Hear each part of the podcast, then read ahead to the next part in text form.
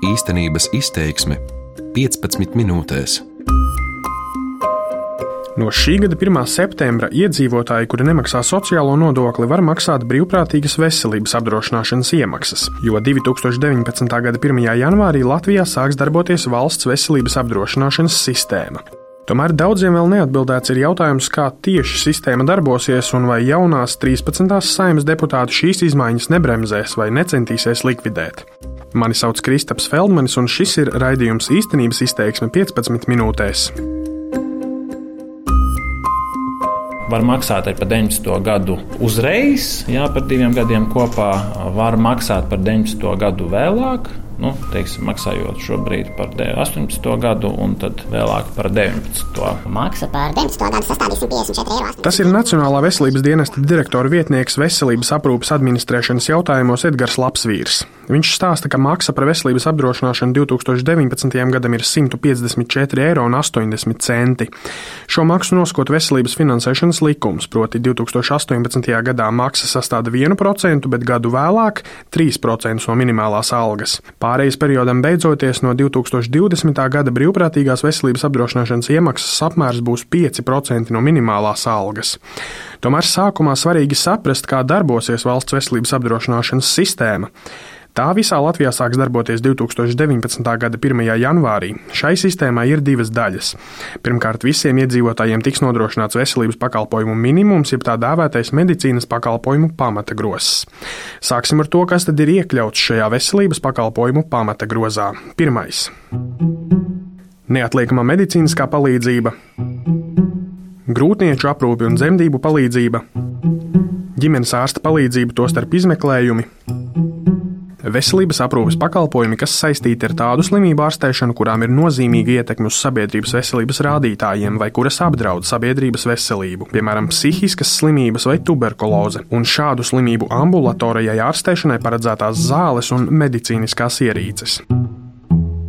Tomēr līdz ar valsts veselības apdrošināšanas sistēmas ieviešanu iedzīvotāji būs iedalāmi tajos, kuri saņem tikai šo minēto pamata grozu, un tādos, kuri iegūst veselības pakalpojumu pilno grozu. Šajā veselības pakalpojumu tā sauktajā pilnajā grozā ietilpst jau iepriekš minētie pakalpojumi, un tajā būs arī traumatoloģija, ortopēdija, audu un orgānu transplantācija, plānveida ārstniecība dienas stacionārā, dažādu speciālistu konsultācijas citās Eiropas Savienības un Eiropas ekonomiskās zonas valstīs saņemtās palīdzības izdevumu atmaksa, psihoterapeitu un psihologu palīdzība un citi pakalpojumi.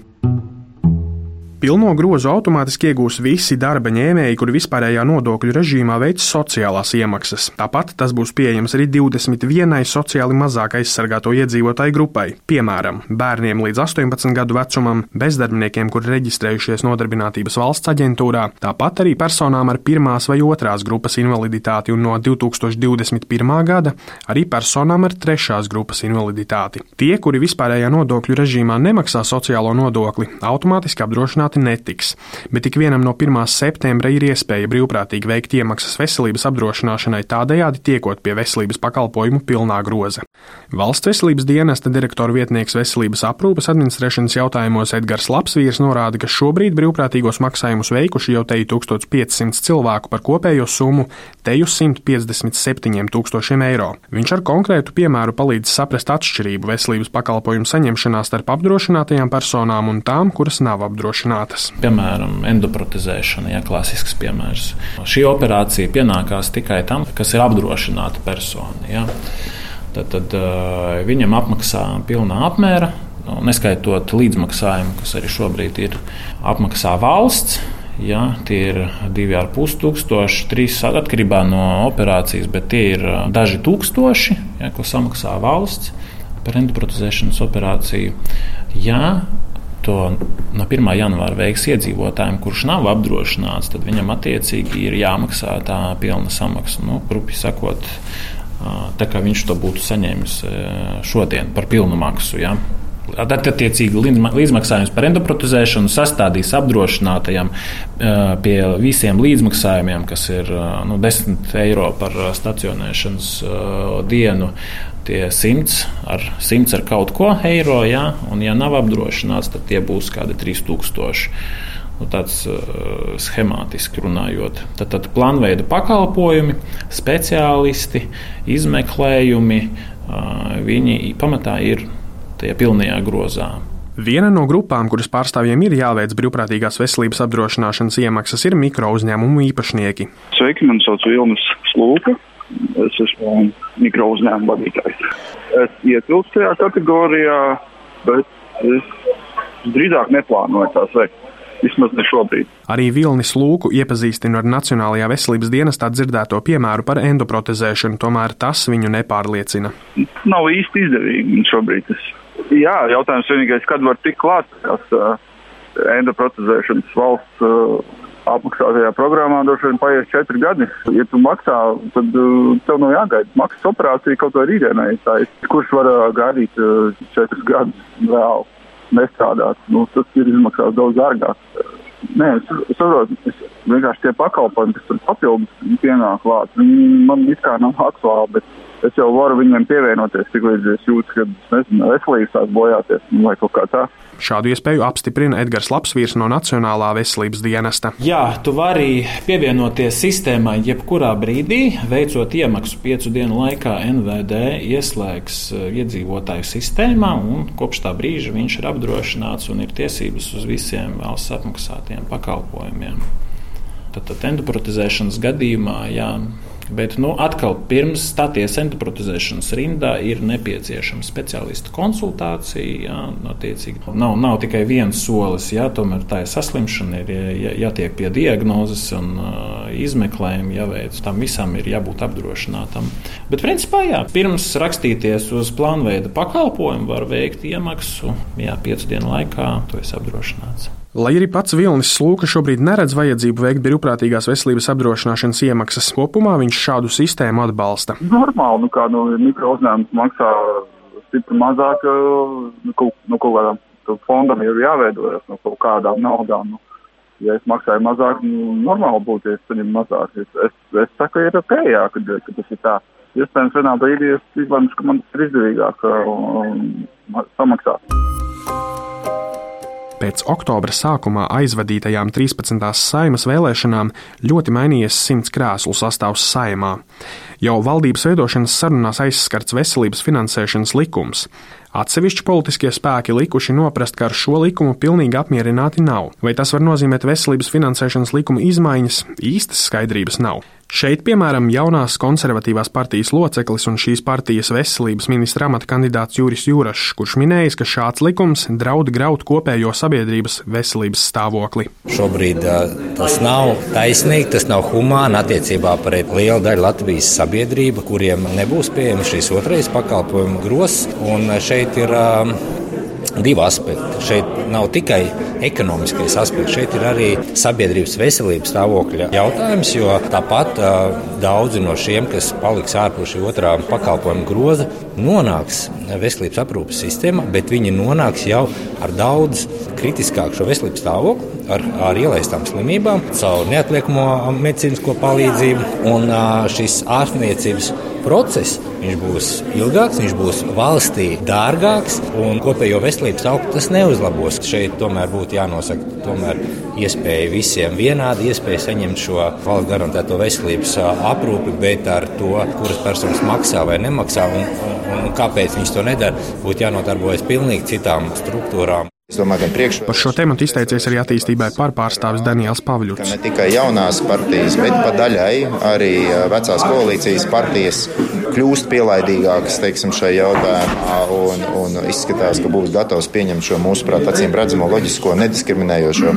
pozīciju veselības aprūpas jomā. Mums acīm redzot jāsēžās ir pie galda cits starpā arī noteikti ar, ar dažādām interešu grupām un pārstāvjiem, arotbiedrībām nu, izpratīsim, kāda ir šī nostāja. Acīm redzot, tur ir kaut kas, kas ir svarīgi veselības aprūpes profesionāļiem, bet es šaubos, ka veselības aprūpes profesionāļi iestātos par to, ka ģimenes ārstiem jākļūst par nodokļu inspektoriem. Tomēr Nacionālā veselības dienesta pārstāve Evija Štalberga nepiekrīt šādam apgalvojumam. Viņa norāda, ka valsts veselības apdrošināšanas datubāze, kuru sāk testēt tieši šodien, 23. oktobrī, ārstus par nodokļu inspektoriem nepadarīs. Bija izskanējis mēdījos jautājums, kas satrauca profesionāļus, vai ārsti nebūs nu, šie inspektori, ja, tad principā arī ārstniecības iestādes, kuras strādās ar sistēmu, kad pacients atnāks uz vizīti, viņas redzēs ja, mm -hmm. šo apdrošināšanas statusu, un viņiem nebūs jāiztaujā mutiski vai kaut kādi pieņēmumi savi jāizdara. Ja likumu tomēr izlems grozīt, aptuveni pusotras tūkstotis cilvēku, kuri jau kopš 1. septembra ir veikuši iemaksu,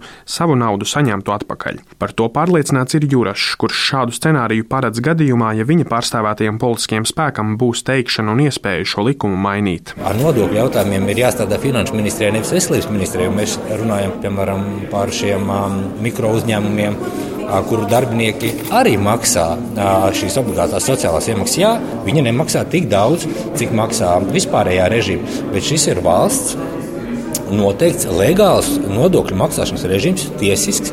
Tad ir uh, grūti saprotams, kāpēc ir tā, ka uh, vieniem ir tomēr priekšrocība, otriem atkal ir papildus tam, ka viņš maksā šo obligāto sociālo iemaksu. Viņam vēl ir jāmaksā valsts noteiktais šis iemaksas. Latvijas veselības un sociālās aprūpes arotbiedrības vadītājs Valdis Kēris gan vēlmē pārskatīt veselības aprūpes finansēšanas likumu saskatījis citus iemeslus. Pamatojums ir it kā cēls, likums atstāšot bez veselības aprūpes vairākus desmit tūkstošu Latvijas iedzīvotāju, un tas nekād nesot pieļaujams.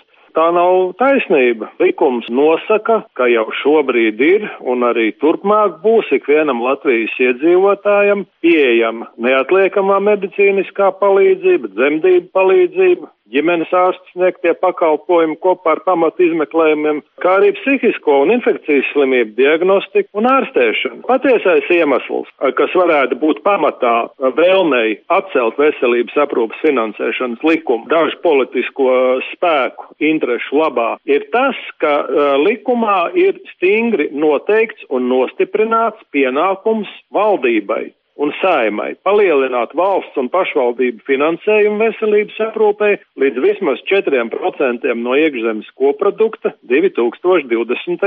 gadā. Veselības ministrijā tās pārstāvis Oskars Šneiders norāda, ka ministrija ir gatava reaģēt uz saimas lēmumiem attiecībā pret veselības finansēšanas likumu, tomēr viņš norāda arī, ka likuma atcelšana samazinātu veselības jomai pieejamos līdzekļus. Šo lēmumu par um, veselības aprūpas finansēšanas likuma maiņu uh, vai uh, grozījumiem likumā vai likuma atcelšanu, kā tas arī publiskajā telpā ir izskanējis. Uh, jebkurā gadījumā tas, tas būs politiskais lēmums un tie politiskie spēki, kas uh, valdību veidos, valdības deklarācijā noteikti būs arī plāns un uzdevumi veselības nozares attīstībai atbilstoši šo politisko spēku redzējumam. Uh, ir iespējams kādas izmaiņas, bet vēlreiz jāuzsver uh, tas, ka apdrošināšanas sistēmas ieviešana jau šogad, jau no 18. gada, ir ļāvusi veselības nozarei piesaistīt ļoti ievērojams līdzekļus. Ja tā tiek atcelta, tad, protams, ir jautājums par alternatīviem finansējuma iegūst veidiem veselības nozarei. Mēs runājam par vairākiem desmitiem miljonu eiro. Tā nav maza summa. No 2019. gada 1. janvāra e-veselības portālā ik viens varēs noskaidrot savu apdrošināšanas statusu. Šī sistēma ir elektroniska, tomēr arī cilvēki, kuri nepārzina internetu lietošanu, varēs sakot līdzi savam apdrošināšanas statusam, stāsta Nacionālā veselības dienesta pārstāve Evija Štalberga. Plānots, ka no 1. janvāra iedzīvotāji varēs pieslēgties e-veselības portālam e-veselība.gov.lv un noskaidrot informāciju par savu apdrošināšanas statusu. Savukārt, ja iedzīvotājs neizmanto internetu vai viņam nav šie drošās piekļuves līdzekļi, ar kuriem var autorizēties, tad būs iespēja doties uz Nacionālā veselības dienesta klientu apkalpošanas centru, uzrādīt savu personu apliecinošu dokumentu un noskaidrot šo informāciju klātienē. Kamēr e-veselība vēl nepiedāvā noskaidrot savu apdrošināšanas statusu internetā, Katrs iedzīvotājs portālā apdrošināties.lv var izpildīt nelielu testu. Šī testa rezultāts parādīs, vai esat to iedzīvotāju vidū, kas bez papildu brīvprātīgajām iemaksām saņems veselības pakalpojumu pilno grozu, vai tomēr par paplašinātu veselības pakalpojumu spektra ieguvi būs jāpiemaksā. Šis bija raidījums īstenības izteiksme 15 minūtēs. To veidoju es, Kristaps Feldmanis, bet par labskaņu rūpējās Renārs Šteimanis. Īstenības izteiksme 15 minūtēs.